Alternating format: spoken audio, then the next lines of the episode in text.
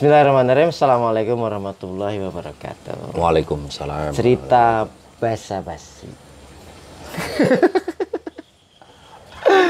Ini tentang orang kaya yang pertama kali masuk surga. Hmm. Oh, ya, udah mulai merasa nih. Ada ceritanya itu ya? Ada.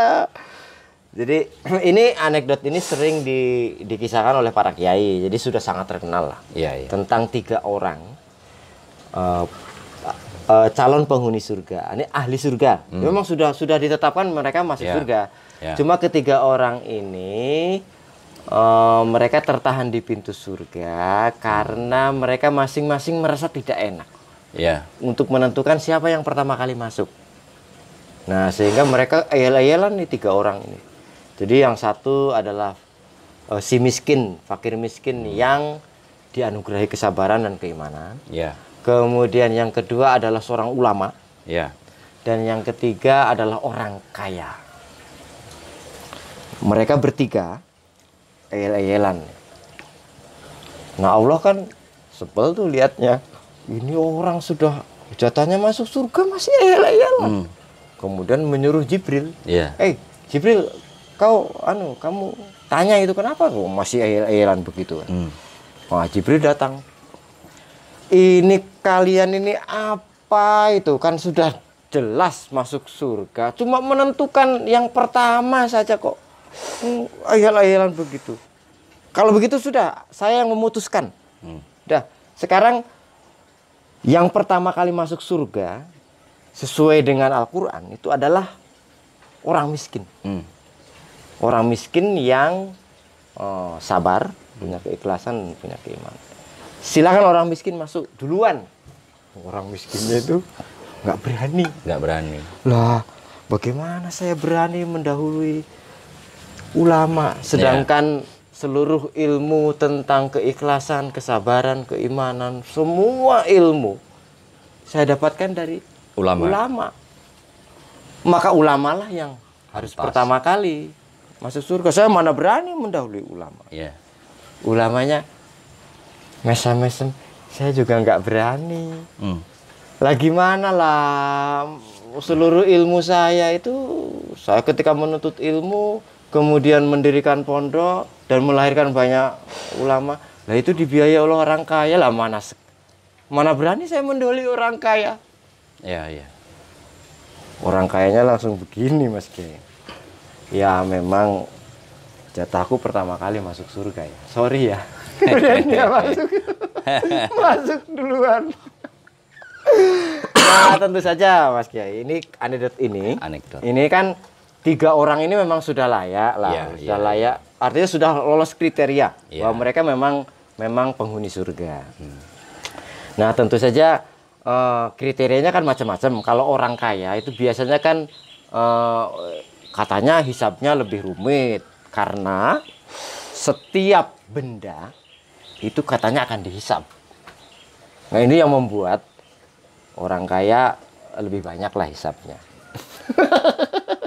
nah, gini Mas Kiai. Kan banyak sih orang kaya yang yang yang suka punya benda aneh-aneh yang sebetulnya tidak dibutuhkan, Ya. tidak bermanfaat. Misalkan begini, kita lihat, eh, kita dengar eh, dari berita lah Ya. bahwa ada orang kaya di Jakarta yang mengoleksi tas Hermes itu sampai 100 buah. Iya. Padahal kan harga tas itu kan, Mas Kiai tahu sendiri kan? Iya, iya. 300 juta ada 500 juta, 500. bahkan ada yang di atas satu miliar. Iya. Nah, bisa dibayangkan 100 tas itu semuanya kan dihisap kan? Iya. iya. Dan ada juga Masuk loh akal. orang kaya, Hmm.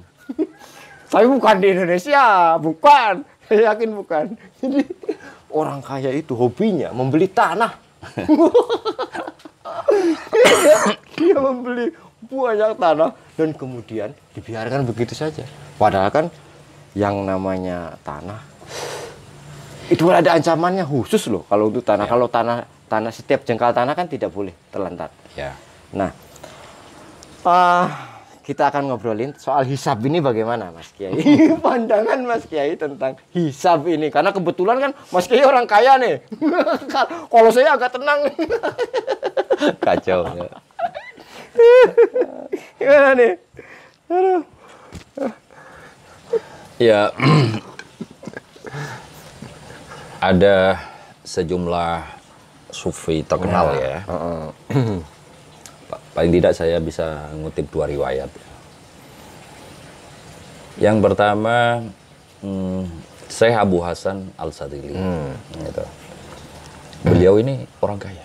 Oh, Sahabi Hasan Kaya Al-Saji itu kurang kaya raya sebetulnya. Iya. Oke. Kaya. Yang tarikat Sajili Iya, iya, dia kan punya murid namanya Abul Mursi. Abul Mursi ini punya murid namanya eh As-Sakandari itu, yang ngaram Al-Hikam. Iya, itu. iya. Itu ya. Nah, ada ajaran doa dari Abu Hasan Al-Sadili ini yang ya saya itibak lah ngamalin juga ya. Doanya begini. Bahasa Indonesianya gini.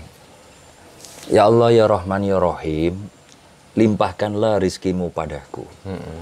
Tapi jangan jadikan ia penghalang hatiku darimu. Hmm. Ya Allah ya Rahman ya Rahim, jadikanlah dunia dalam genggamanku. Tapi jangan jadikan ia penghalangku dari akhiratmu. Gitu. Hmm. Jadi kelihatan yakunya ya. Iya, iya. Ini cerita pertama. Yang kedua, ada seorang murid, kalau ini tidak disebut namanya ya. Gurunya ini guru sufi dan miskin. Ya ya. Jadi kebalikannya lah dengan yang tadi. Ya, lalu suatu hari si murid ini bertanya, "Eh, bagaimana berzuhud itu? Si guru yang miskin ini menjawab gini, kamu datanglah ke orang itu, bertanyalah kepada dia. Ke orang itu maksudnya ke Orang lain, X. Oke, ya. oke, oke. Nah, datanglah si murid ini ke orang yang disebut itu. Oh, Ternyata yang disebut ini orang kaya raya. Kaya raya. Di luar dugaan Iya, dia ya. iya. Dia menduga bahwa itu akan orang miskin seperti betul, gurunya. betul. Ternyata kaya raya. Oh, iya, iya. Nah, karena patuh guru, ya datanglah ke sana bertanya tidak dijawab apa-apa, cuman dikasih makan enak segala macam. Lalu pulanglah si murid ini. Ditanya sama gurunya yang miskin itu, "Apa yang kamu dapatkan?" Dia murid ini menjawab, "Ya tidak dapat apa-apa. Saya hanya menemukan orang kaya raya menyajikan makanan kepada saya. Makanan-makanan yang lezat." gitu. Gurunya ini lalu bercerita, orang itu adalah guru saya. Katanya gitu. Orang itu adalah guru saya. Hartanya banyak, tetapi dia makan apa pun, selalu ada Allah di dalam hatinya. Gitu. Nah ini, Bah, ada korelasinya dengan keterangan misal Imam Ghazali tentang suhud. Menurut Imam Ghazali, suhud itu bukanlah lalu meninggalkan dunia. Tetapi hati kita itu tidak dibelenggu oleh dunia. Dengan kata lain, bolehlah kita ini dikaruniai kekayaan ala Abdurrahman bin Auf dan sejenisnya, tetapi jangan kok hati kita ini lalu diperbudak, dikuasai oleh harta benda itu. Nah, mungkin yang dimaksud hisab itu ketika hati kita dikuasai oleh harta benda itu. Iya. Dampak dari hati yang dikuasai oleh harta benda kita itu kan madorot keluar. Iya, Oke. Contoh, mestinya dia bisa berkurban sapi 10 ekor, tapi karena hatinya dikuasai oleh hartanya eman, nanti berkurang, nanti saya ngumpulin susah payah. Banyak orang yang lalu tidak bisa mendapatkan manfaat dari harta kekayaannya. Inilah yang lalu menjadi kezaliman. Inilah yang akan dihisap. Dan seterusnya. Maka ya memang konsekuensinya adalah semakin kita itu banyak harta, aset, apa pun itu, di dalamnya itu mengandung kerawanan-kerawanan tanggung jawab. Gitu kan? Tapi kan di Islam diajarkan ya sedekah, ya bahasa Al-Qur'an itu kan yang sering itu eh, siapa yang meminjamkan hartanya kepada Allah. Hmm. Nah, gitu ya. Yang ujungnya itu adalah memberikan kemanfaatan kepada orang lain seluas-luasnya. Gitu loh. Sebentar gini Mas Kiai. Jadi hisab itu berarti eh, hanya menyangkut hal yang bermasalah kan?